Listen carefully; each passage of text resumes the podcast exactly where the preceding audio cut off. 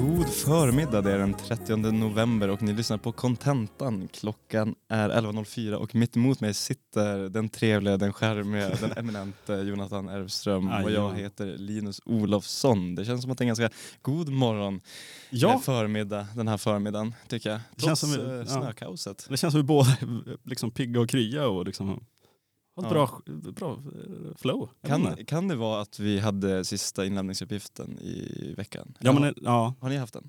jo exakt, Ja. igår. Så Mm. att, eh, det kan ju faktiskt vara det. Men det Mm. känns som, eh, vi kör ju på torsdag idag också, jag vet inte riktigt. Har man mer energi på torsdagar än fredag? Nej jag tror inte Det det. tror men- jag inte. Jag tror att överlag så är det bättre att köra på fredagar. Ja. Det är bara att vi har lite fredagsfeeling i och med att vi är klara. Vi Verkligen. båda blev klara igår liksom. Ja. Så vi har den här äh, lättnaden i kroppen. ja. Eh, Men vad var det för musik vi hörde nu? Här? Vi lyssnade på en låt som heter Worth It med Ray. Och eh, det var, eh, här under helgen så var jag i Lund på eh, Studentradion i Sveriges årsträff och Mm. med lite mingel och allt möjligt. Och på tågresan ner så visade ko- radiokollegan Selma den här låten. Som jag tycker var jävligt bra. Alltså hon hade ju väldigt, väldigt trevlig röst. Ja verkligen. Och, Ja, men det är verkligen en klassisk eh, mjuk och fin röst på något ja. sätt. Ray, hette hon så? Ja, R-A-Y-E. Ray. Hon var jätteduktig. Ja. Ja, hoppas det går Hur, bra för har, ja, hur har din eh, vecka varit annars? Eh, ganska lågintensiv ändå får jag säga. Vi har ju haft en radiogrej liksom, men Mm. den har jag ändå varit för väl förberedd med. Men jag har eh, börjat köra Mario Kart ganska mycket. Jag köpte ett gammalt eh, eller Nintendo haft, Wii eller? jag, har, jag har haft ett gammalt Wii som har legat och så har jag köpt eh, bara, jag hittade Mario Kart på en second hand. Mm. Och jag, och jag har ändå varit sugen på att köpa det till det här Wii jag har haft ganska länge. Eh, så jag har kört lite för många timmar Okej. Mario Kart Wii. Du, du känns ju inte liksom som en gamer. Nej men det är Överlag? inte. Det enda Nej. jag har spelat eh, mycket det är Minecraft. Men det är inte heller, jag tror alla i min generation har gjort det. Ja exakt, Nej, men Minecraft är ju svinkul. Ja, det är Det är verkligen Men det är också just de här Nintendo-spelen passar sig bra för att liksom spela på fest och grejer. Ja, det är ju en bra förfest. Alltså spela Mario Kart eller spela Mario Party eller Mm. fanns, finns ju massa sådana här roliga spel. Ja, och eh, jag tror jag är lite så, även om jag inte är någon gamer, om jag faller ner Mm. det, jag tror lite att jag aktivt har valt att inte bli en gamer. Mm. För att jag vet att om jag hade börjat, då hade det varit så långt djupt nere i det Ja, träsket. du, det, du känns som du är en kille som absolut har liksom kunnat spendera otroligt många Ja. timmar på WoW. Ja, jo, men det, här- om jag, jag tror Och att om, om jag hade liksom- farit in i WoW då Ja. hade jag nog liksom inte haft eh, jobb eller utbildning. Nej, tror exakt. jag, Nej, nej. Eh, men jag... Eh, Minecraft var så för mig ganska Ja. mycket. För där, det var läskigt många timmar jag tror som jag har slösat, eller inte slösat bort, men Mm. lagt ner på ett spel som, som är single player. Alltså, Ja, det är lite konstigt. Men, eh, nej, men eh, överlag så har jag haft en jävligt god, alltså så här var bra tempo, jag ändå börjat träna. Så, Mm. okej, liksom. Det var en god vecka liksom. Härligt. Är det bra med dig? Jo men det är bra med mig faktiskt. Eh, Man är lite slut efter, efter resan som sagt. Men eh, man börjar återhämta sig efter det i alla fall som, Mm. som tur är. Mm. Men eh, som sagt, det var li- inte så mycket sömn under de där dagarna tyvärr. Vi Nej. åkte ju liksom på fredag klockan 04.20 Just det. eh, väldigt tidigt och sen åkte vi liksom tåg ner till, ner till Lund som tog, ja, det tog väl 12 timmar eller sådär. Just det. Och när får ni upp igen? Eh, vi får upp på söndagen vid klockan tre i alla fall men då flög, eh, flög vi som, som tur var i alla fall så att Mm. man inte behövde ta det jävla tåget igen. Ja men precis, men det blir ju jävligt, för sådana där tillfällen då vill man Mm. ju passa på för det, kan, det är ju bara en gång om året och så får man chans att träffa alla Ja exakt, man vill vara pigg och man vill festa och man vill ha kul. Ja men exakt. Men när man väl liksom, när sömnen eh, sviker en så är det ju svårt ibland. Och det har man märkt Mm. ofta. Och det är problemet när man bor i Umeå är att det är långa resvägar nästan överallt. Mm, jo, Eller verkligen. bo i norra Sverige överlag. Om man ska liksom utomlands, då är det alltid så här, man måste till Arlanda först Exakt. innan man ens kan ta sig någonstans. Exakt. Jag menar, tänk att bo i Skåne och ha liksom Danmark på andra sidan sundet. Mm. Det är ju skilda världar på något Det, sätt. det är verkligen skilda världar. Samtidigt så kan vi ta, fa, fa till Finland, vi kan ju bara ta färjan. Och vilken ynnest det är att kunna åka till Finland så lätt. ja det är ju det. Jag har typ inte gjort det Mm. Nej, jag har inte, jag var i Rovaniemi en gång, på Ja. tomtelandet. Vilken dröm. Det, det, det var, och vi tog liksom bilen fram och tillbaka och det är ändå ganska många timmar. Mm. Det är typ så fyra, fem timmar eller Mm. någonting i bil. Alltså enkel väg. Ja, ja. Så vi åkte skittidigt på morgonen till tomtelandet. Vi hängde där, det var inte jättekul. Alltså, Nej, det var nej, nej, lite, Det var Det så här, känns oj, lite- här är det massa renar. Ja. Men det är ju mest för turister som inte är från Norden. Det känns mycket japanska Ja, turister. ja men det var huvudsakligen eh, folk från österifrån, Ja. alltså från, från Asien. Eh, alltså det var väldigt spexigt men det var också där arenor, snö och Mm. tomtar som lyser. Det, det, Det, det har ser man ju på redan. varje kvarter i hela Sverige. Det är Exakt. ju en grej för folk som inte är, liksom, kommer från samma Mm. kultur. Så rent så var det kanske inte värt det. Men det, det, det är det mest minnesvärda jag har från Rovaniemi som plats. För på, när vi började få tillbaka så stannade vi inne i Rovaniemi på en typ kebaberia eller någonting Mm. för att käka. Och då satt en eh, riktig liksom så, finsk arbetare, han var väldigt smal, han satt i varselkläder Mm. och satt han och fipplade med en cigarett inne i det här stället. Alltså han bara satt och liksom, som att det var en fidget spinner eller någonting, alltså han Okej. bara fidgeta Mm. med den och hade den i liksom läpp, eh, läppen sådär, Mm. och satt med jättelänge och var lite allmänt konstig, man märkte att han var, han åt inte heller någonting, han bara satt där liksom. Okej. Eh, och sen efter ett tag när vi satt och käkade, då ställde han sig precis bredvid oss. Typ bredvid min stol och så kollade han bara på oss, han sa ingenting. Oj. Och stod så i kanske fem minuter. Okej. Eh, och Ni vi, satt bara där och var... ja, vi, vi höll på att äta, eller det var bara jag som hade kvar käk och Ja. jag åt inte klart och sa ja, men fan Nu ska drar vi börja Ja, röra på exakt. oss eller? Och sen när vi gick ut så gick han också ut och liksom började så lite halvt följa efter oss. Så vi, vi blev såhär, men fan. Det här är inte bra. Mitt alltså. i Rovaniemi och ingen pratar ju liksom svenska och knappt engelska där. Det, man känner såhär, vars fan, vad är det för, vad är det för mörker jag har kommit Ja, till? Ja. Också en sak där med, nu, det har ju kommit en rejäl snösmocka till Umeå. Det har ju varit, Mm, verkligen. Det jag vet inte hur mycket, hur många centimeter det har kommit. Det var så 60 centimeter, 6 deci. ja, alltså de här där. dagarna. Liksom. Ja, exakt. Ja, men det är absolut en halv meter. Eh, Och det är så sjukt också när man var, när man var nere i Lund och det var liksom, jag såg grönt gräs. Ja. Ja just det, och sen kom jag upp hit. och sen var det lite sol också. Det var inte jättevarmt Ja, men det, man såg faktiskt solen. Det är ju speciellt, men också att se gräs. Ja Ja, verkligen. är ju... Gräs i november liksom, det, Mm. det händer ju inte. Men man säger väl det, att vi kan ha tre årstider i, samtidigt Ja, i Sverige. Liksom. men verkligen. Eh, men det blir ju spännande när man ser det från en dag till en annan. Ja verkligen, man, liksom, när man klev av planet Ja. så känner man snö i ansiktet. Det var Jävla ångest alltså. Men eh, jag tänkte det här med investeringar är ju något som har blivit liksom, väldigt populärt de senaste åren. Mm. Det känns som alla ska ha en aktie och fondportfölj. Jag tycker bland unga människor känns Mm. det som att det finns många... Lite coolt på något sätt. Men det är många konton som börjar DMa mig på Instagram. Alltså så här, med Så killar som Bitcoin. är lite, försöker vara lite inne och så Ja. heter de typ Dominic eller så här. så här så här. nej de är, eller alltså så här. Det är ju en kille som för, sitter och försöker nätverka Mm. på sättet de uttrycker sig liksom, så Mm. känns det som att det är en kille min ålder som är såhär, ja men fan jag vill hjälpa dig att bli den bästa versionen av dig och därför Exakt. ska du börja investera. Och då brukar ska, alltid, Därför ska du ge mig 30 000. Ja, nej men inte riktigt så. Det jag tror så det, det absolut är så. Ja men, ja, men, alltså, men det jag brukar göra, jag brukar ha lite kul med dem, så jag brukar alltid svara ganska uppmuntrande så att de Mm. blir taggande. Jaha, det. jaha, jaha, berätta mer. Och så skriver de lite. De får ju någon slags commission av det. Ja men exakt. Eh, och sen så skriver jag bara en jättelång vänsterutläggning om att men ni bara svin som försörjer er på andra men, människors lidande. Ja, hur kan ni ha mage att göra det här? Hur bidrar ni till samhället? Oj jävlar. Ungefär. Alltså, Ja. jag, jag, alltså, jag kryddar på det ganska mycket för att Ja. jag vill att de ska skämmas för jag Ja, tycker exakt. inte det de gör är bra. Eh, och då brukar de lämna mig på visat men jag tycker inte det är kul. De- har läst i alla fall. men jag, för, jag hör det, jag förstår vad du menar. Men det känns också som att eh, liksom, det ska ju handlas med bitcoin och litecoin och dogecoin och shitcoin. Så, liksom. Och det känns ju som efter eh, liksom, corona, under corona känns det som att det där har varit en mycket större sak än vad det var. Mm. Kanske att folk tappade jobbet och behövde hitta en annan inkomstkälla och Mm. så väl då kanske en, en chans med investeringar på något sätt och vis. Vare sig om det är liksom riktiga aktier och fonder eller om det är de här kryptovalutorna. NFTs blev väldigt populärt under kort Mm. tid som nu har kraschat så det bara smäller om det. Ja men det känns som att hela den här, alltså tjäna pengar utan att jobba grejen. Passive income som man brukar säga. Ja det har ju alltid varit en, eh, någonting som folk intresserar sig för. Mm. Men en ganska specifik grupp av människor. Ja, det känns som att det är mycket mer allmängiltigt under den perioden du beskriver. Mm. Men äh, det här med investeringar, är det något du förstår dig på? Har du någon aktie och fondportfölj? Jag har, med eh, jag har, jag har en fond Mm. eh, som jag har fått av mina föräldrar. Rysslandsfonden. Eh, Som ja, många investerare back in the day. bara olja och vapen. Nej jag Du- skojar. Många brukar köra de här etiska fonderna, men du kör de oetiska fonderna med vapen, droger, Ja, exakt. prostitution och hela köret. för att maximera. Nej, nej men jag har, jag har en sån, men jag, liksom, den ligger ju där och Mm. så över år så går den uppåt. Förhoppningsvis.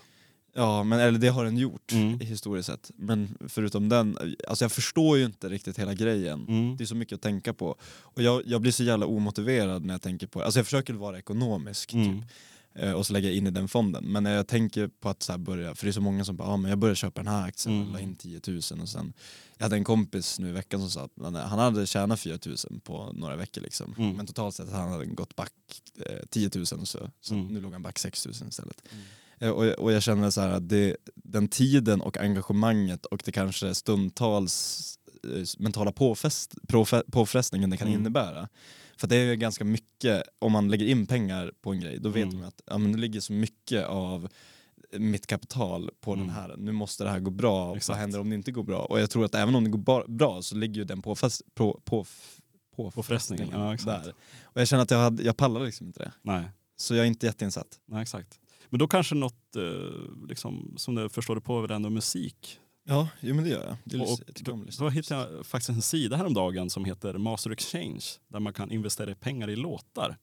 Och det är ungefär som att köpa aktier, att eh, liksom, en låt, du kan liksom köpa andelar i en låt och den kan gå upp och ner i, vär- upp och ner i värde och eh, du kan få avkastning på grund av royalties. Så det innebär att eh, om jag köper en del av um, Smålättemålan på Gråjefält, Ja, vi säger det. Ja. Eh, då äger jag en liten del av den låten. Exakt.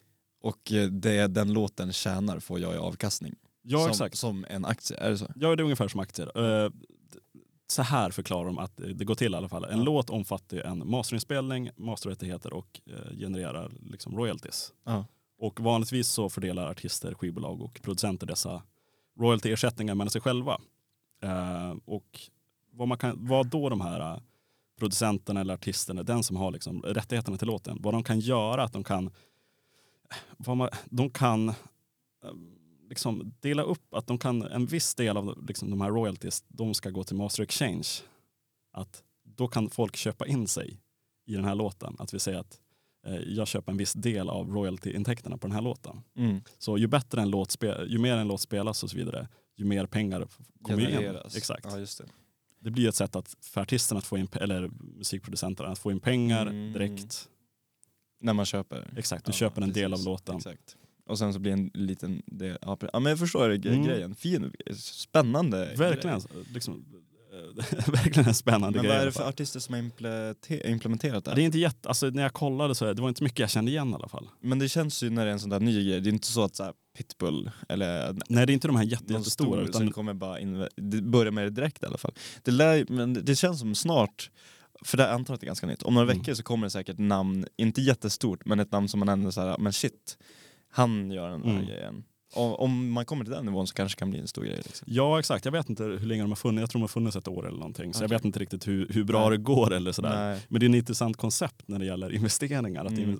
Man brukar ofta säga att liksom investera i något du kan.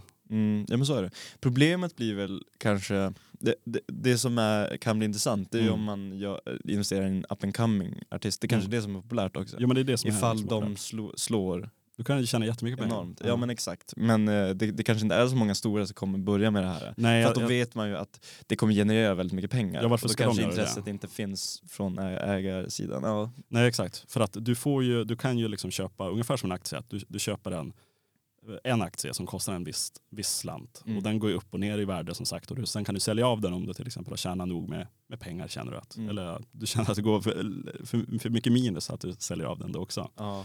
Sen eftersom varje månad så får de här artisterna eller vem som äger de här rättigheterna får in pengar genom Mm. royalties från Spotify, YouTube, vad fan som helst.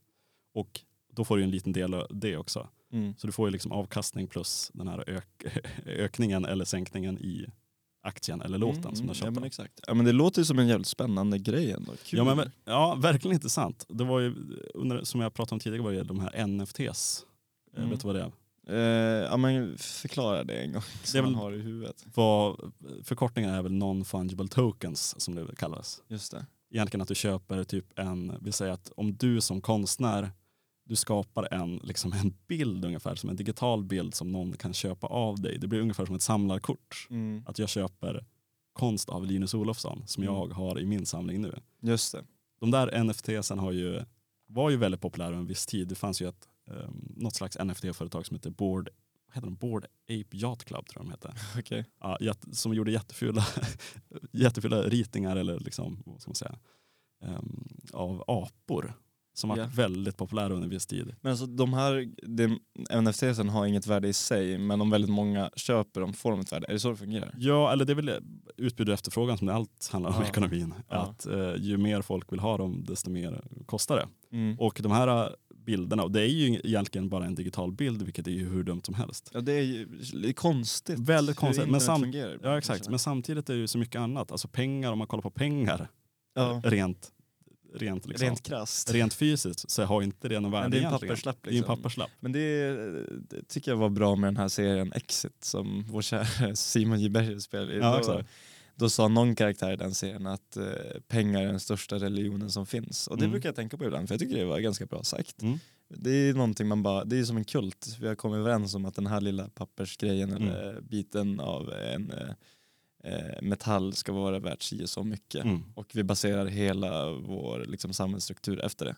Exakt. Så det, det, det är ju verkligen en kult exakt. på något sätt. Man är ju dålig på ekonomi men det känns jävligt sjukt att Ja. liksom, vi alla kommer överens om något slags system där att pengar kan man köpa saker av. Alltså Ja. det är såhär, ja, Och så reagerar man när en bild på internet men det är som du säger precis samma sak det är precis pengar. samma sak som det är pengar. exakt samma koncept bara att man har börjat med en ny. Och de här bilderna kunde ju kosta liksom hundratusentals kronor Jaha, under en viss tid när de, var, när de var som stora. Och nu, Mm. säljer, nu, är det, nu är det ingen som vill ha dem längre. Nej. Så den, den där ekonomin har ju kraschat helt och det är hållet. konstigt när det blir trender. Visst var Dogecoin så också? Var Ja, det exakt. den som Det är blev en sån här- jättestor? Det är en sån här krypto, kryptovaluta. Ja men, ja men det är precis, men Mm. visst var, var det den som sen alltså var jättestor och sen gick det ut för för den? Eller Dogecoin kanske fortfarande går? jag vet faktiskt inte riktigt hur, hur det ser ut. Jag har inte kollat på graferna på Dogecoin. Nej, ett tag. Men det var ju någon som var så enorm som bara exploderade. Exakt, för sen- Dogecoin har ju funnits väldigt länge. Ja. Eh, jag tror det var en del av liksom så Reddit var med skapade, Mm. eller det var Reddit, alltså det fanns något forum där där folk var, var väldigt eh, inne i Dogecoin under väldigt många år. Mm. Och de eh, sponsrade bland annat en Nascar-bil med liksom på huven så var det en Dogecoin-grej. Så de sponsrade det bland annat. Sen, Skoj. den har ju legat på väldigt låga nivåer under en lång tid. Alltså det var Ja. inte jättemycket pengar i det. Men jag tror den här Elon Musk för två år sedan eller någonting tweetade någonting om det. Ja, Och då var just det, den, åkte den liksom rakt upp. i- Just det, en sån man som kan peka på vad som helst och så får det sina liksom five minutes of... eh, Ja, Vad är det man säger? five minutes of fame. Ja exakt. Fan vad jag hatade Elon Musk by the way. Jag tycker han är världens Hur drygaste person. går det för honom nu? Det, Jag vet inte. alltså det känns som att han har varit ändå inte så... Alltså med hela X-grejen så var han Mm. överallt. Jag har också sett att han har köpt Twitter och Ja. döpt om det till X. Nu känns det som att han är lite mer passiv och då känns det som att han... Ja, verkligen Men, inte. Det- eller men så här, jag tycker inte man ser honom i media lika mycket. Men det kanske bara är jag. Ja, jag tror bara du faktiskt. Ja, okej. Men hel, nu är det hela grejen det här med att uh, Tesla-strejken här i Sverige bland annat. Ja, jo, och jo, den har det. stämt svenska staten bland annat och Mm. hela köret. Och det har gått så- sådär. Mm. Eh, Väldigt intressant. intressant man som jag har väldigt svårt för. Men det är spännande med honom är ju att han är uppenbarligen riktigt jävla smart. Alltså han, kod, det? ja, men han kodade ju ett eh, spel när han var typ nio och sålde det för typ så här 130 000 dollar och så blev han rik ändå. Alltså, så här, han är ju ändå så här, en strateg, alltså han kanske inte är vettig Mm. men han är ju intelligent. Ja, men jag vet inte riktigt hur mycket. Så, jag har inte hört alls om det där med spelet. Nej, men det, han, han var ju med och startade eh, Paypal bland annat. ja, men precis. Nej, men jag vet inte hur mycket han gjorde på det. Sen startade han ju liksom Tesla och, och SpaceX och sådär. men det, jag det, jag tänk, eller det min lilla tes här när Mm. vi pratar om eh, Elon Musk är att jag, det känns som att när en så ändå, alltså han är väl så här eh, Ja, booksmart eller vad man ska säga, förstår du vad jag menar? ja, ja.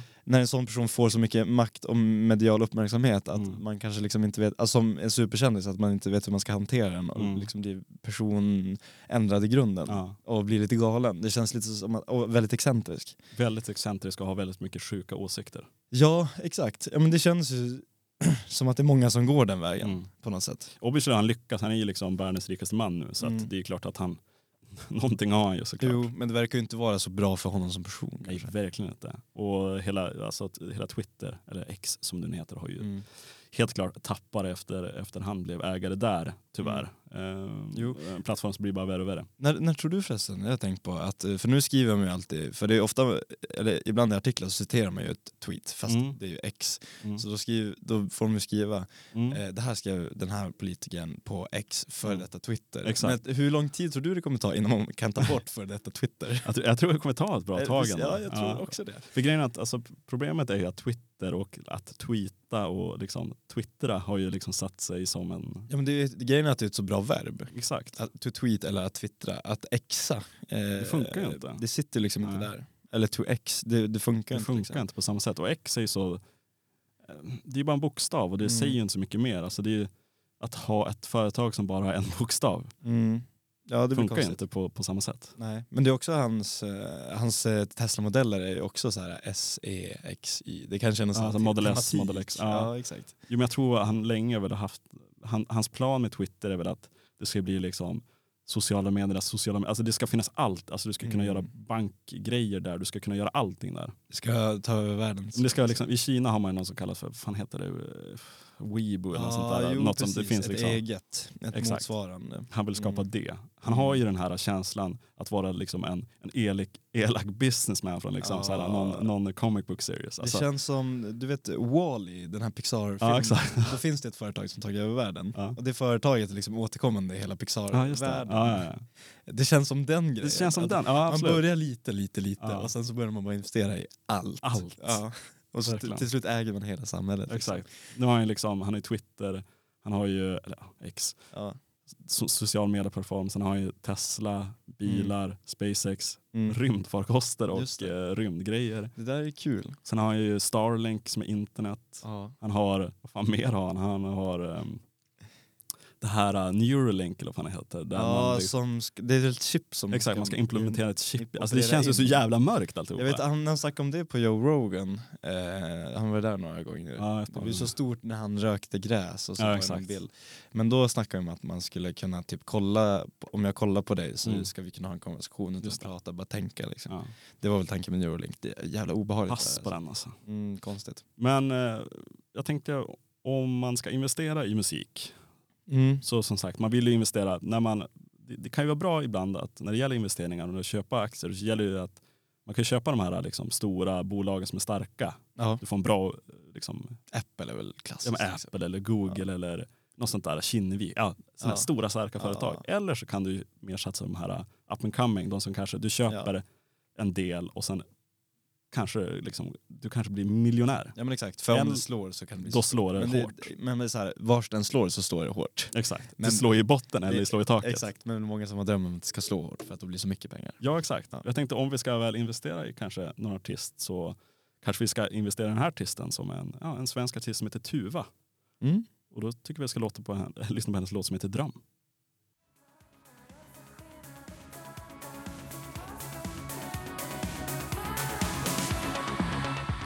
Dröm med Tuva. Ja, eh, up and coming. Up and coming artist så att säga. Mm. Väldigt så här, det är ju väldigt inom alltså nu man ju, känns som en boomer här. Men det känns som det här, alltså det här 2000-talsmodet har ju blivit en, en, en grej. Och även liksom inom musik att Mm. man vill tillbaka till 2000-talet. Mm. Och det här känns lite 2000-tals liksom äh, elektropop. Ja, just det, lite 2000-tals romantik. Ja, verkligen.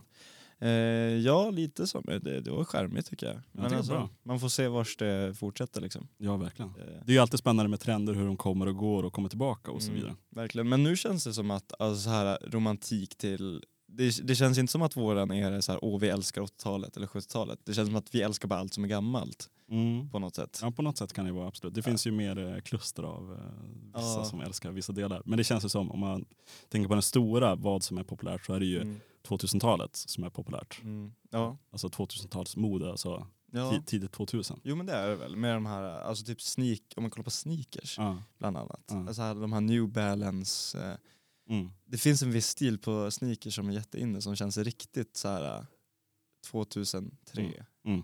Ja. Och ha typ så här. eh, Undrar, om, undrar om de här skateskorna kom tillbaka. Kommer du ihåg liksom de här eh, skateskorna som många hade? Jag, vet, alltså jag var ju ett väldigt litet barn ja, på för sig. 2000-talet så jag Ja. tror inte, nu vet jag inte vilka skor du tänker på. Nej, för det, många tror- hade ju de här, liksom såhär, jag vet inte alla de här skatemärkena kallas Etines och liksom DC. Alltså de var Ja, DC minns jag. skor som var väldigt såhär, breda och Mm, fula. mm. Ja, alla jag förstår hade vad du menar. Ja. Många bodybuilders har den typen av skor. Okej, någon de kanske fast i den tiden. Liksom. Ja, jag tror lite så. De har mycket ganska jävligt fula plagg. Ja, ja, men det kan jag tänka mig. Eh, men eh, jag har förutom, eh, eller det här var ju up and coming musik Mm. jag, jag har ju lyssnat på musik som inte är så up and coming kanske. Nej. Eh, och mitt, eh, vi pratar om det nu, vi behöver inte gå in på Spotify Rap, men min mest spelade artist var Bob Hund. Mm. Eh, och jag har inte, jag tror vi har, vi har spelat dem, jag, jag, vi spelade en låt med dem för några veckor sedan. Ja, exakt. Eh, men jag, jag, Düsseldorf. Ja men precis, eh, men jag tycker att man kan eh, prata lite mer om, eller så här indies, indie-musik överhuvudtaget, lyssnar du på någon indie, Ja, gud ja. indie-rock? ja. Det är ju eh, charmigt. Alltså, in, definitionen av indie är väl att man är independent Ja, förlag, exakt. så att man inte ger ut det för ett stort...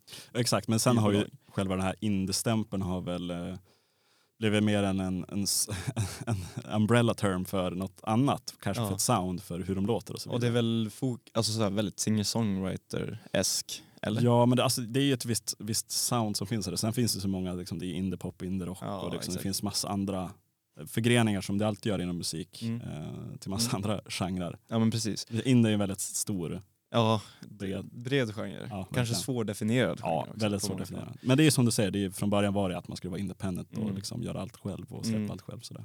Men nu, ja, eh, Bob Hund brukar kallas Sveriges största indieband. Mm. Att, eh, men det är ju svårt att kalla, definiera vad som är indie och vad som inte är indie. Exakt. För de, blir ju, de är väldigt experimentella med sin musik och jag, det är mycket som är rockigt Mm. tycker jag i och med att de har en tydlig trumslinga och gitarr och, Mm. och synt och sådär.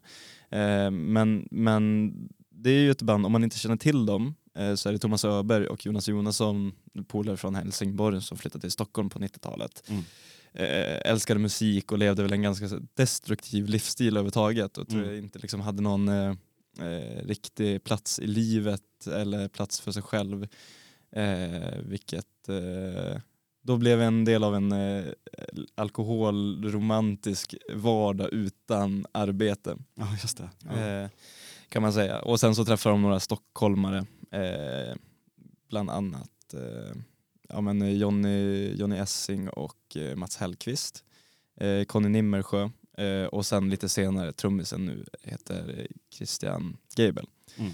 Eh, så det det är lite skåningar och lite stockholmare som gör en eh, musikform som fokuserar ganska mycket på Thomas Öbergs texter för han skriver som låtarna. Mm. Eh, och sen försöka få ihop det musikaliskt till någonting jävligt fett. Mm.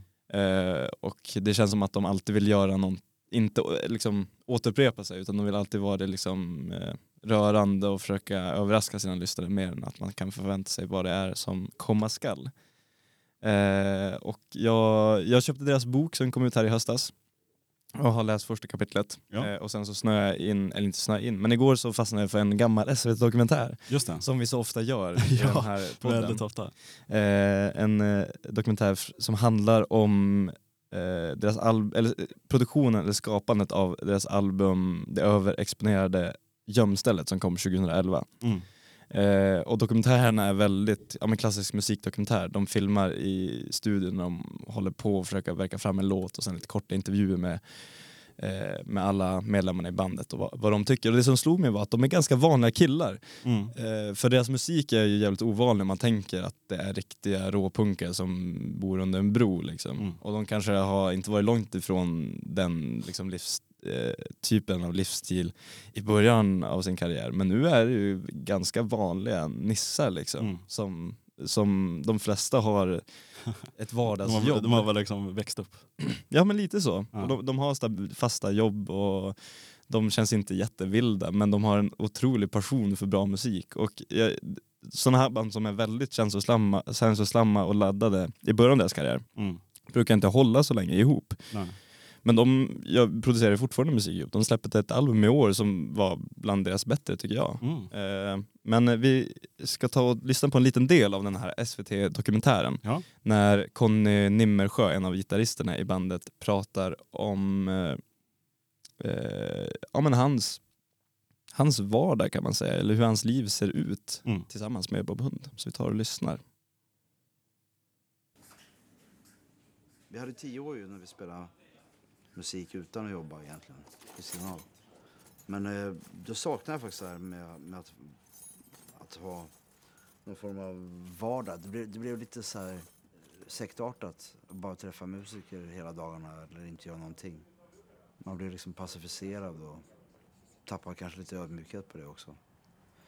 Slutet på 90-talet, början av 2000-talet så att... Eh, Sen så finns ju den här gyllene balansen som varje konstnärssöker. Att man liksom vill kunna fungera i en, liksom, i en social miljö där, där om du, är du bara konstnär hela tiden så har du ingenting att skriva om.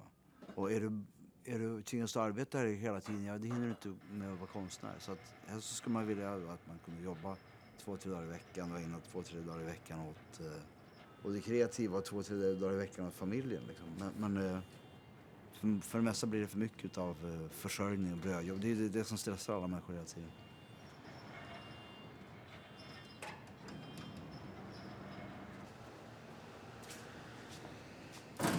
Om man pratar om drömmar och så här. Eller vad man drömmer om att göra så har jag fått göra i princip allting det. Så, så att eh, då kan man ju vara lite mer avslappnad inför att ha ett eh, mer så att säga normalt vardagsliv och, som 40-plussare.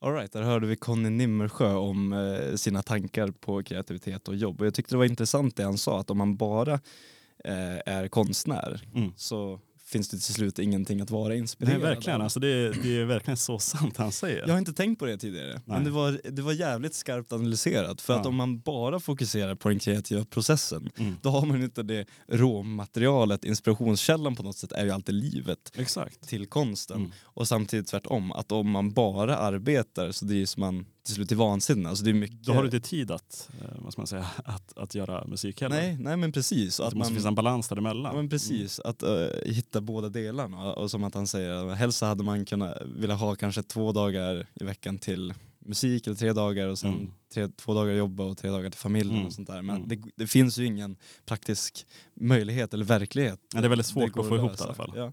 Men jag, jag, jag tyckte det var, det var väldigt fint. Och Mm. En av de andra killarna i bandet säger att eh, han har eh, musik som heltidsjobb och sen eh, fisk som hobby, för han jobbar i en fiskaffär till vardags. Men han ser det mer som att det är hans hobby som han kommer att hålla på med, fisk. Men, det, det, Och sen så jobbar ja. han med musik. men alltså måste de jobba eller jo- jobbar de bara för att de känner för det? För jag, Eh. jag känner ändå att Bob Hund är väl ändå ett så pass stort band så att de kanske skulle kunna leva på det heltid. Som jag förstår det så jobbar de för att ha en stabil ek- ekonomi. Mm. Jag tror att om, om de hade velat hade de nog bara kunnat göra musik. Mm. Som de säger, de första tio åren så gjorde de bara musik och då Mm. var de inte alls lika stora som de är nu. Nej. Men i och med att de har familj och försöker leva ett stabilt liv så, så tror jag några av killarna i alla fall vill ha ett jobb för att ha en någon, någorlunda ekonomisk Mm, mm. säkerhet. Liksom. Och inte behöva kanske liksom göra saker hela tiden. Att, eh, de behöver inte ständigt vara ute på turné eller ständigt behöva skriva Nej. nya album. Och sådär. Precis, för nu är ju de flesta, alltså det, det här är ju då tio, år- tio år gammalt det här, så Mm. nu är de flesta över 50, Mm. börjar närma sig 60 liksom. Så det, Man har en pension liksom. ja det blir, det blir nog påtagligt för dem att de inte kan, jag menar om man kollar på hur Thomas Öberg såg ut på scen Mm. på 90-talet så, så förstår man att man kan nog inte vara så energiladdad Nej. när man, när man är över 50. Nej, nej. Det fungerar ju liksom inte. Men eh, det, är, det, det är väldigt speciellt att se dem i studion. Jag tycker det här är en dokumentär man ska gå och se om man kanske är musikintresserad. Jag, Mm. jag förstår inte så mycket rent musikteoretiskt. Nej. Men det känns som sex killar som har otroligt stor passion för hur musik fungerar. Mm. Eh, och och, och man, blir, man blir så jävla, när de håller på med en liten, liten, liten del av en låt i, i flera dagar. Mm. Och albumet de har släppt nu, det har ju varit det albumet de har. Det är inte albumet de pratar om i dokumentären, Mm. men eh, albumet de släppte 2023, det är det albumet som tagit längst tid för dem att slutföra. Och det är förmodligen för att de blir äldre och de blir ju de, som människor så skiljer de sig mer och mer för att man förändras som människa. Och Mm. de måste ständigt kompromissa för att kunna Ja, göra musik. Ja. Men de lyckas ändå hålla ihop och det tycker jag är så väldigt fint. Mm. Eh, på något sätt. Eh, men du har ingen större relation till Bob Hund? eller? Nej, faktiskt inte. Eh, tyvärr, alltså, jag har knappt lyssnat på Bob Hund om jag får vara helt ärlig. Nej. Eh, men jag kanske måste börja göra det för att jag tycker de, de lät ju som en härlig, härlig gäng på något Mm. sätt. Jag tror det är säkert liksom en musik jag skulle gilla. Ja, det är det. Och för mig, det, det jag går igång på så jävla mycket är ju deras eh, eh, texter. Mm. För att de skriver liksom jävligt bra poesi Mm. och så gör de, tonsätter de det. Mm. Det ser jag det mer som. Men om man lyssnar på genren tonsatt poesi är det oftast jävligt skralt på den musikaliska sidan. Ja, verkligen. Medans verkligen. Bob Hund får liksom fullt, fullt ös både textmässigt och, eh, eh, och musikmässigt. Mm. Mm. Eh, men de, de har ju som sagt, som sagt släppt en bok i höst. Mm. Eh, så jag tänker att vi ska ta ett litet ur, urdrag, lite snabbt, ganska kort, som handlar om när deras, eller när de, vilk, den stund de känner att Bob Hund bildades. För det finns ingen konkret att de satte sig ner och nu är vi Bob Hund, utan de började, några av killarna började spela med varandra, sen började de spela med varandra lite oftare och sen kom Mm. flera av de medlemmarna idag in och de var lite överallt och alla var ganska alkoholiserade får Mm. man säga. Kanske inte så att de, om de hade fortsatt som de gjorde då hade de nog inte, Levt idag. nä, nästan så känns det, känns det ibland. Eh, men vi ska höra vad Thomas Öberg, alltså sångare och låtskrivare, har att säga om ett gig de gjorde som, som blev deras kanske startgig som Bob Hund. Ehm, du var väldigt fint klädd i konsertdagen Conny. Gubbkeps, väst och skjorta, som Alfred i Emil i Lönneberga. Under vad vi betraktade som vår hitlåt Får jag spy i ditt paraply gick för basförstärkaren sönder. Jag överkompenserade genom att bli desperat utåtriktad. Längst fram satt några middagsgäster som förmodligen skulle någon annanstans när The Sinners gick på. Jag klev upp på ett bord och råkade sätta klacken i någons gräddstuvade pyttipanna. Det stänkte varm pytt på en kvinna. Hennes manliga sällskap blev jättearg och puttade mig så att jag föll baklänges.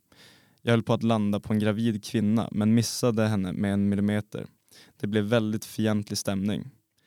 När vi spelade sista låten, Den ensamma sjömannens födelsedag, halsade jag en hel flaska finskt svart, svartvins, svartvinbärsvin av märket Aurora.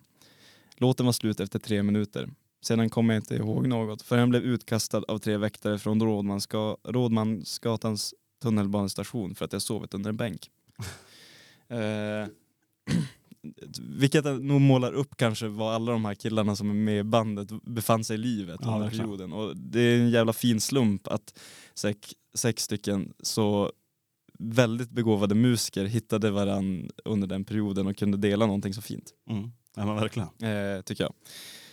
Eh, så det, det är väl vad, vad Bob Hund kan vara. Mm. Eh, och jag tänker att vi tar och lyssnar på en eh, låt av Bob Hund, vilket känns naturligt. Ja, det Man känns har pratat passande. om Bob Hund och när jag spelar Bob Hund är det många som tycker att det låter lite skränigt och så här kanske inte någonting man, man kommer igång till eller, Mm. eller dansar till. Så, men de har en låt som då har riktat in sig till den här typen av människor som heter. Ja. eh, titeln är Har du något man kan dansa till? Så jag tycker vi tar och lyssnar på den av Bob Hund.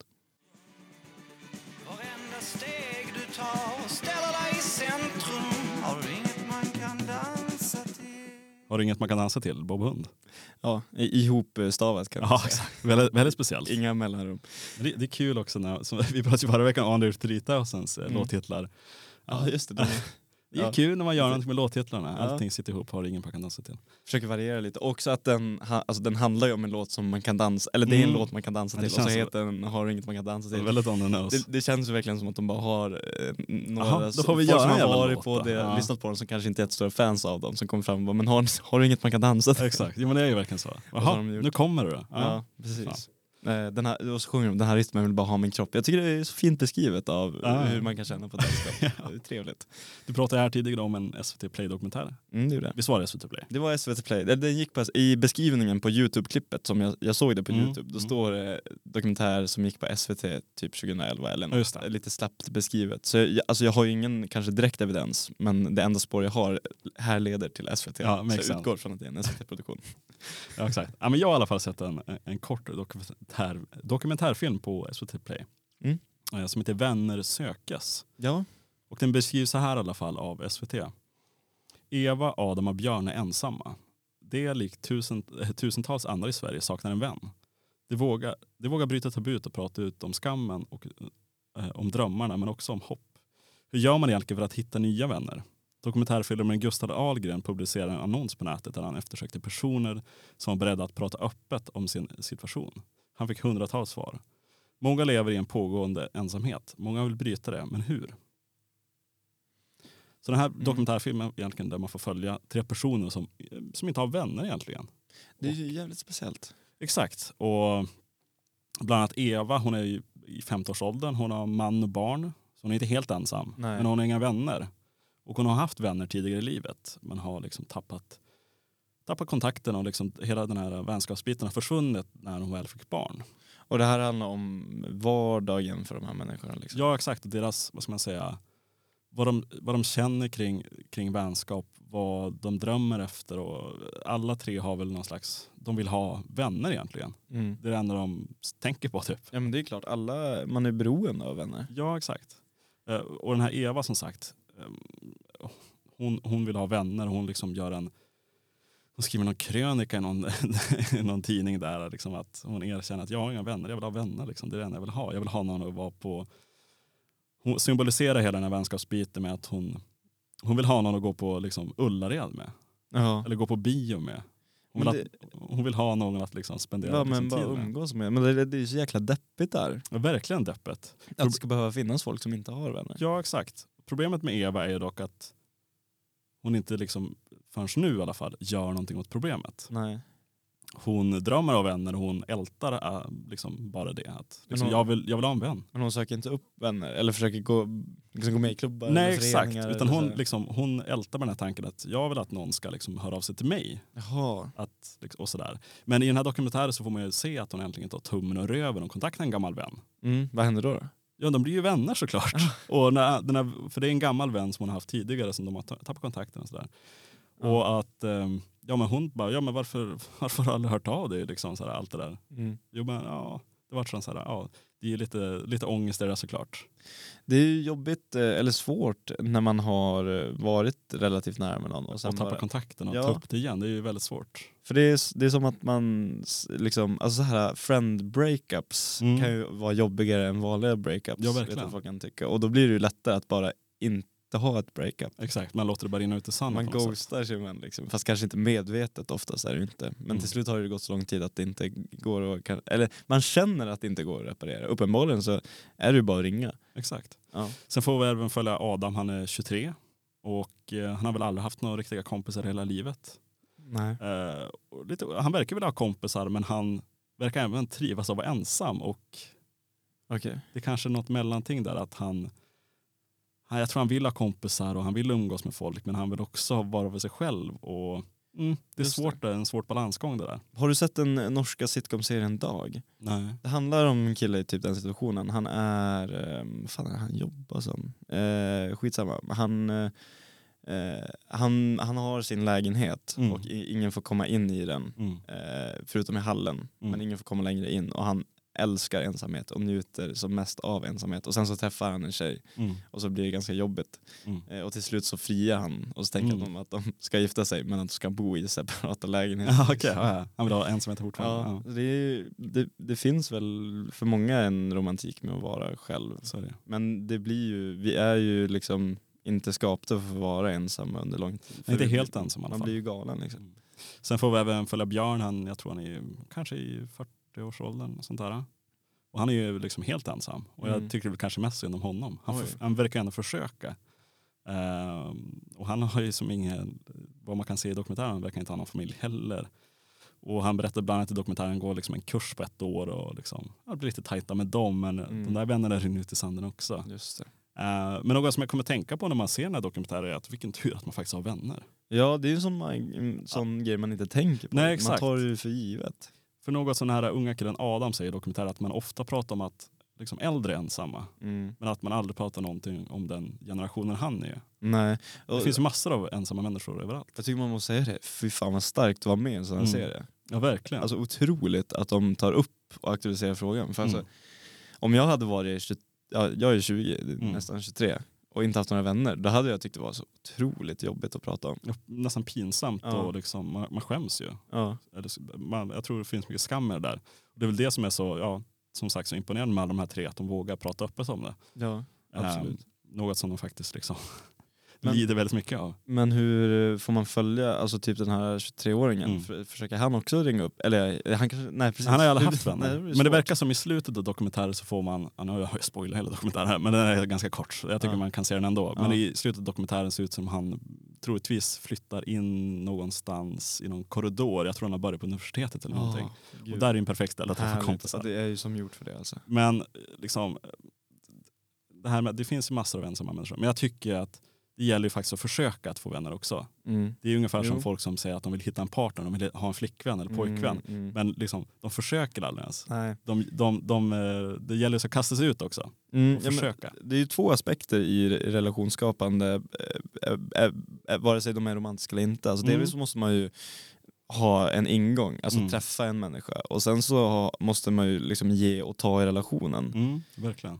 För att så här, vänner, alltså vissa folk, människor man har i sin närhet kan man ju ibland kanske ta lite mer avstånd från. Mm. Och det beror väl ofta på att man inte har en liksom, jämbördig relation. Mm. Alltså om det är en person som ger och ger och ger och ger, Mm. kanske alltid ringer eller kanske alltid umgås eller kanske Mm. har mer att säga eller Mm. bidra med i relationen. Mm. Då blir man ju till slut väldigt trött på det. Mm. Så man måste ju som vara en drivande kraft i en relation. Ja exakt, det är väl något som jag kommer att tänka på att när man sett den här dokumentären, man måste bli bättre på att vårda sina relationer. Alltså att jag ska bli Mm. bättre på att vårda mina relationer och inte ta dem för givet. Nej. Det är väldigt lätt att göra det. Det är väldigt lätt att göra det. Eh, Och man har väl, eh, när man så här, brukar prata om lycka och mäta lycka, vilket är jättesvårt, men Mm. det, det, en av de liksom, större slutsats- slutsatserna man dragit är att en av de liksom, viktigaste och mest grundläggande eh, saker man kan göra för att bli lycklig, det är att ha liksom, långa och djupa relationer till människor. mm. Typ familj Mm. eller vänner. Men ju, ju längre en relation är, Mm. ju mer betydelsefull blir den. Mm. Så om man har någon man känn, har känt väldigt länge och, och börjar man kanske tappa kontakten lite mer, då är det jätteviktigt att vårda Mm. den relationen. Om, om det är en funktionell relation Mm. såklart. Något som jag också har, har tänkt på på senare tid, det är ju liksom hur kvinnor har vänskap mellan varandra och män har vänskap Mm. med varandra. Det är- Det är ju väldigt olika. Tyvärr, det, är- det verkar jag, kan bli, jag kan nästan bli lite smått avundsjuk över den vänskap som kvinnor kan ha ibland.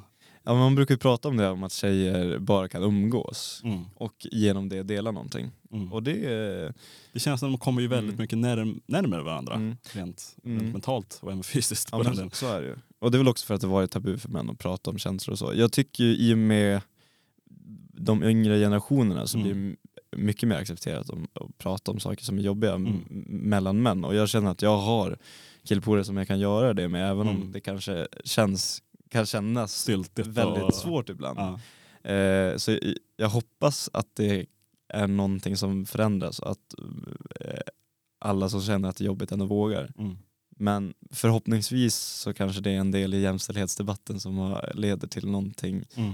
Väldigt betydelsefullt för väldigt många människor. Mm. Ja, men verkligen. Mm. Ja, men intressant dokumentär, den är ganska kort och den är ganska gripande sådär. Den låter ju väldigt intressant i en så spel, speciell situation. Liksom. Ja, verkligen speciell. För ofta, liksom, ja, man har ju haft vänner hela livet. För Ja. en själv så känns det ganska så här, ja, man har väl vänner liksom. Men för många är det ju att de har inga vänner. Nej, Och det är, väldigt ledsamt att det är tänka på. Vad hette dokumentären? Den heter Vänner sökas Mm. eh, och som sagt och finns på SVT Play i alla fall. Det låter spännande.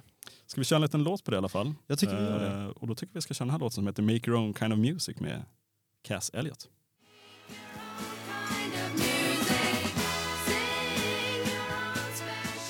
Make Your Own Kind of Music med Cass Elliot. Väldigt mysig låt. Det är en väldigt fin, ja, väldigt fin låt. Ja. Och även, eh, jag tror det är introlåten till en annan del av Köping. Ja, jo, men man känner ju igen den. Man har ju hört refrängen. Ja, den är ju, men den sätter sig i huvudet på ett ganska Mm. trevligt sätt ändå. Eh, får man lov att säga. Men eh, jag har ju varit och läst eh, Aftonbladets kultursidor igen. Ja, Det, det har blivit min, min eh, go-to-grej eller? liksom inspirationskälla Ja. eh, på något sätt. Och så, så dök eh, en man som vi har pratat tidigare om, eh, Michel Houellebecq, ja, exakt. Den Eh, knepiga mannen. den eh, författaren den oerhört, alltså inte kanske så i, tillfredsställande att titta på. Nej, han har ju ett Han har- speciellt utseende får man Han säga. har ett utseende som kan uppfattas som Ja, Stötande. Ja, det, ja, men jag tror nästan att man skulle Ja. det kan uppfattas som stötande att titta på Michelle Houellebecq. Eh, som har skrivit ganska mycket eh, uppmärksammat och delvis kanske inte alltid positiv bemärkelse av folk sett hans Nej. författarskap på. Men han skriver väldigt bra. Mm. Eh, är det många som tycker i alla fall. Jag, jag har läst hans senaste Serotonin som jag pratade om tidigare som, Mm. som jag tycker är bra. Elementarpartikeln var väl hans första eller, det jag vet inte om det var hans debut men det, det var, största kanske, det var den fall. som hans genombrott Ja. eh, på något sätt. Eh, och han skriver ju mycket om liksom det, det, det avskummet i samhället Mm. och det äckliga och det man inte vill röra vid. Nej. Det man ofta förnekar och det är väl någonstans hela, hela grejen med hans författarskap att man ska ta upp sånt som inte tas upp Mm. eh, för att det ska ge mer eh, eh, liksom, eh, eh, effekt hos läsaren Mm. kanske. Kanske. Och på något sätt kanske gör att man tänker ett extra varv. Mm. Eh, och han har skrivit en eh, ja, form av eh, analys. Han har skrivit om författaren H.P. Lovecraft Mm. eh, i ett verk som heter H.P. Lovecraft emot världen, emot eh, livet som kommer i eh, nyöversättning till svenska. Mm. Eh, och det skriver eh, Rasmus Landström om i Aftonbladets kultursidor, Ja. om den här översättningen. Eh, och det, debatten har varit lite om H.P. Lovecraft, att han var en ganska uttalad rasist. Ja, dunderrasist. Hade, hade ett eh, ganska starkt rashat. Mm. Han, han var inte direkt kopplad till nazismen, eh, men han hade en direkt koppling till rashat. Ja exakt, Så det var väl hans katt som han döpte till n-ordet man. Ja, eh, det är många exempel och han har han skrivit om det Mm. också, sådär, eh, rel- relativt öppet. Eh, men Mi- Michel Houellebecq menar då att H.P. Lovecraft var 1900-talets viktigaste skräckförfattare.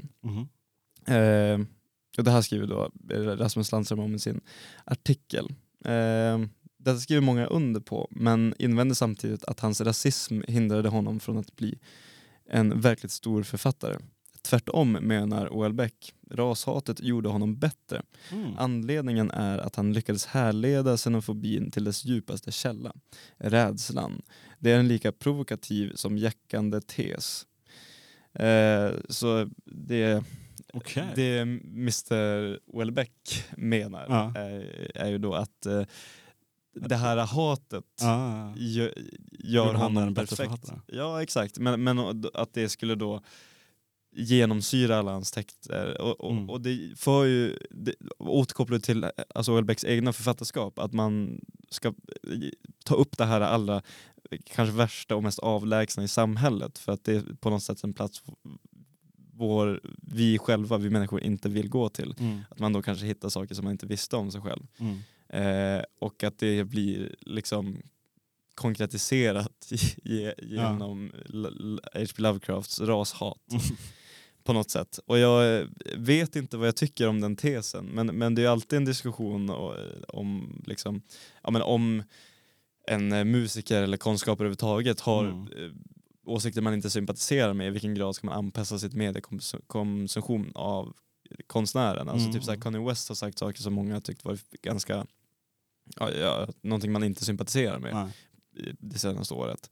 Men jag har fortfarande Kanye West i min spellista, det tycker jag Mm. att man ska kunna ha. Men blir Kanye West bättre eller sämre på grund av hans åsikter? Det är väl Ja. det som är hela grejen. Eller påverkar det hans verkshöjd? Jag tror ändå det, på något sätt. Sen, jag, jag har aldrig läst H.P. Lovecraft så jag, jag kan inte uttala mig om honoms har inte grejer. jag heller. Obviously så är han en av de världens största författare genom tiderna, Mm. tydligen. Mm. Men eh, jag tror ändå att man får en annan bild. Till exempel om vi tar ett nutida exempel med Kanye West. Att, att det är klart att det blir svårare för honom nu när han liksom har sagt allt det där så öppet. Det blir svårare, för- jag tror han tappar, tappar mycket på grund av det. Det tror jag absolut. Och det kanske beror på vad man gör för typ av innehåll. För H.P. Mm. Lovecraft var ju en skräckförfattare. Och det är kanske där någonstans, alltså att Ja då kan det Att- vara lite mer passande att vara rasist. för rashat är väl ganska kopplat till en rädsla Ja, verkligen. och kanske i grunden en osäkerhet på sig själv Mm. och att det då blir tydligt i hans texter. Mm. Medan andra uttalanden av en person som Kanye West kanske inte på samma sätt har den effekten för han gör ju inte skräckmusik. Nej, verkligen inte. Eh, utan det, det blir ju en, han, han försöker mer kommentera, kommentera samhället och då Mm. kanske det blir mer problematiskt om man Ja, känner till exakt. hans ståndpunkter. Ja men exakt. Eh, Men det, det, han, alltså den här Aftonbladet, han som skrev texten, mm. han menar på att H.P. Lovecraft förlorade mycket på att han var rasist, att han inte blev lika stor på grund av att han var rasist. Var det så? Ja, eller alltså han tar väl ingen uttalad ställning Nej, men är så här, ja, men det är inte bra att vara rashatare. obviously. Men H.P. Lovecraft var ju samtidigt en bra Författare. författare. Ja, Och han skriver väl mer om den här äh, texten av Welbeck just det. än att ta tydlig ställning till. Men han höll inte riktigt med Welbeck. Nej, eh, inte, inte så. Nej.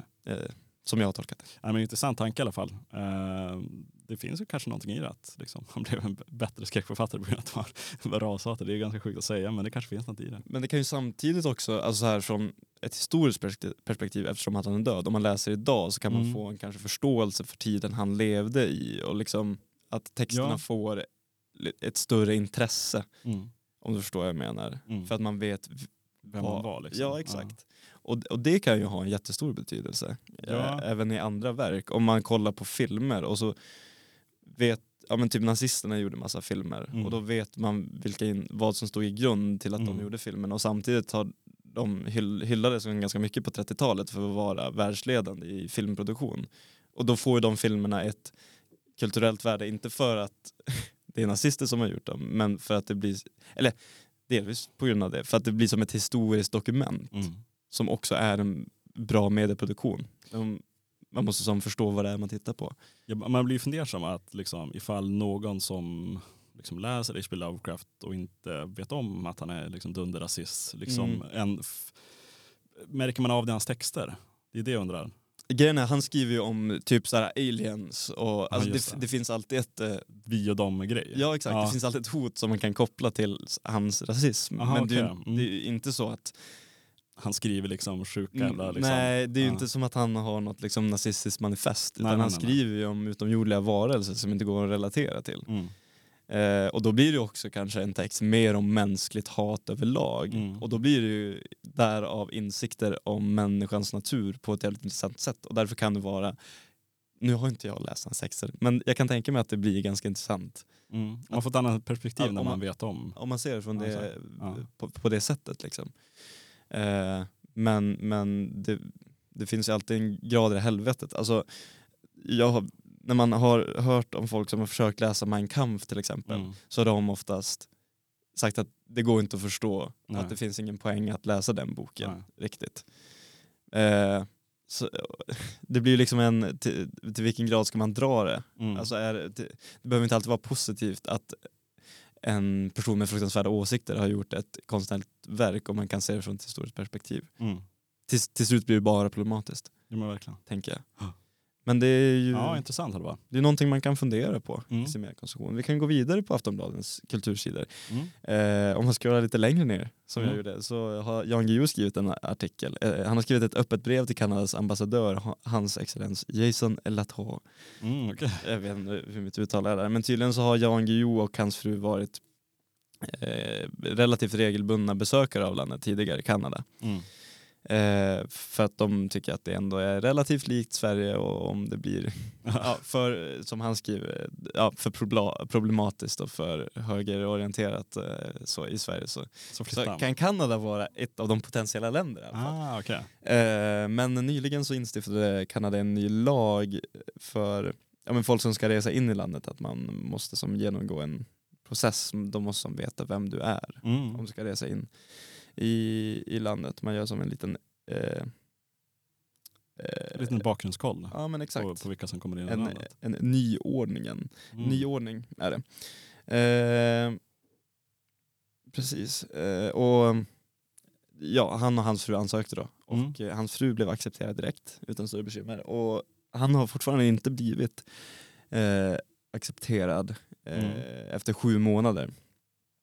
Eh, och han, eh, han skriver eh, så här, jag kan inte uppfatta ett jag kan inte uppfatta ett över sju månader långt dröjsmål som annat än avslag och vad värre är, ett avslag utan förklaring eller motivering. Kanadas ambassad i Stockholm säger sig inte kunna lämna några besked men man hutade åt mig att om jag krånglar drar ärendet bara ut mer på tiden. Därför ers excellens vänder jag mig till er med detta offentliga brev. Eh, och så fortsätter han. Okej, men okej, ja.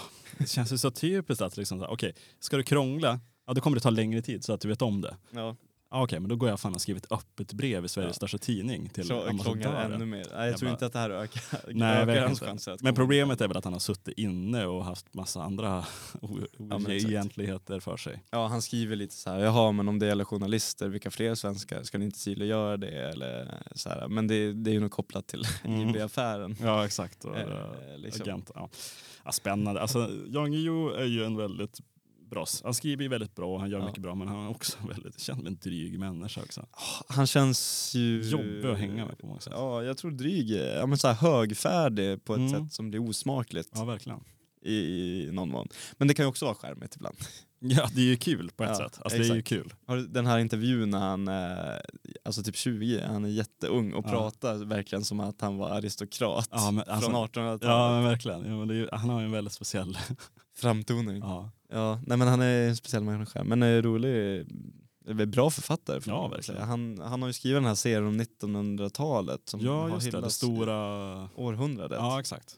Jag har inte läst den. Inte jag heller. som har Jag tror bra en polare har läst det och tyckte det var jävligt bra i alla fall. Ja, Kanske de, någonting man måste sätta på.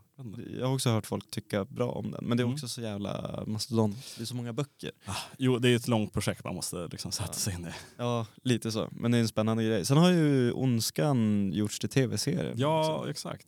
Jag vet inte vad jag tycker om det alltså. Jag, jag, jag har inte sett den, men jag har hört av folk som har sett den att den är bra. Ja, men det är väl kul. Men också så här, original, eller äldsta film, boken är ju otrolig. Ja. Och filmen är otrolig. Och jag tycker att filmen gör allting rätt. Mm. Så jag tycker liksom inte man Det, behöver... det, finns inte, det, är det finns ingen nödvändighet. Det finns ingenting att lägga till. I, eller det finns väl vissa delar, i en serie har man möjlighet att utveckla storyn mer Mm. eftersom man måste skapa mer från boken i filmen. Så Mm. på det sättet kan det bli intressant. Men jag tycker att filmen är så pass bra Mm. som verk Mm. att det liksom finns inte rum för utveckling på den fronten. Och då blir Exakt. Bara. Men samtidigt, ja men kul kanske få en ny publik till Ondskan och till Jan. Ja, exakt. Det är väl Ja, man kul. kanske måste se det för att ja, folk säger att det är bra i alla fall. Ja, Så verkligen. Så är det ju. Eh, men eh, jag tycker vi tar och lyssnar på lite musik. Yes. Eh, och eh, ja, en, en låt som är bra är Scotty Doesn't Know med Lastra heter de va? Exakt. Ja, så vi tar och lyssnar på den.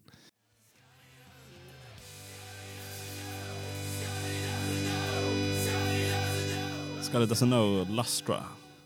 Jävla bra låt alltså. Kommer från filmen Eurotrip. Jag har tyvärr inte sett den men eh, myten är väl att det är Matt Damon som sjunger. Ja exakt, att det är han i, i han har ju en liten roll i Eurotrip-filmen där Ja. han spelar bland annat den här vad ska man säga, sångaren i det här bandet. Jag Just vet inte riktigt om, om det är så att ehm, det måste ju vara så att Lastra gjorde den här låten till filmen och att det inte är tvärtom. Jag, vet, jag har ju inte sett filmen Nej, exakt, så jag hur- vet inte vilket sammanhang Nej, exakt. filmen spelas. Nej, nej exakt, men huvudkaraktären i filmen heter ju Scotty, Mm. tror jag i alla fall. Ja. Måste han göra.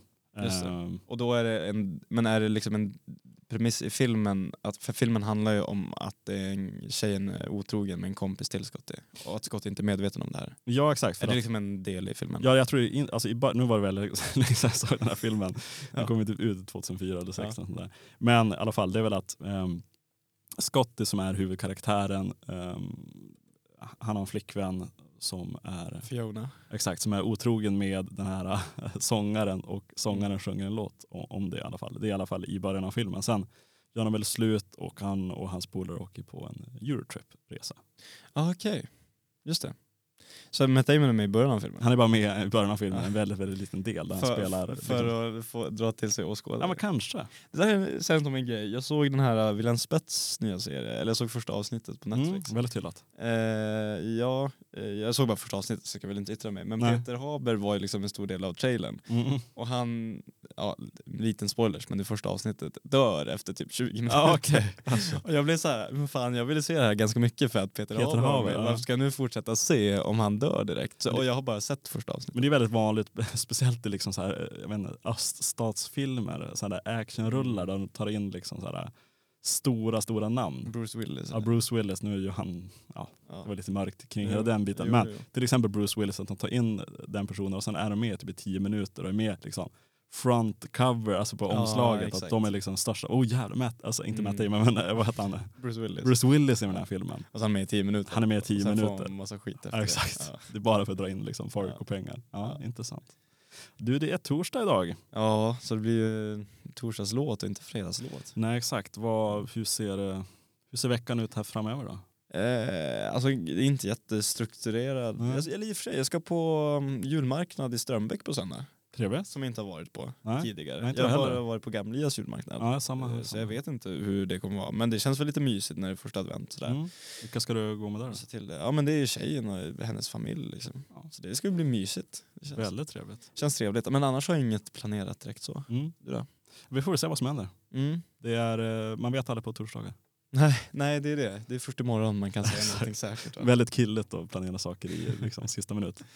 Eh, Ja. men vi, vi kör väl en torsdagslåt då och det är jag som väljer den här Mm. veckan. Och sen, nu blir det fan inga mer torsdagar. Nej, det, Vi ska försöka vi hålla oss säga det. Det är en risketta som sätter käppar i hjulet för oss. Men eh, nästa fredag så Förhoppningsvis så, så är vi, vi, är båda lediga. Ja, precis. Exakt. Eh, jag tycker eh, för att få igång lite energi i alla fall så kan vi köra lite James Brown, en artist som vi inte har kört tidigare i alla fall. Eh, vi ska lyssna på låten Get Up Off of That Thing. Eh, så får vi önska en eh, fortsatt trevlig torsdag och en eh, trevlig helg framöver. Det får jag absolut göra. Och tacka att ni har lyssnat också. Vi hörs. Ha det bra! Puss. Get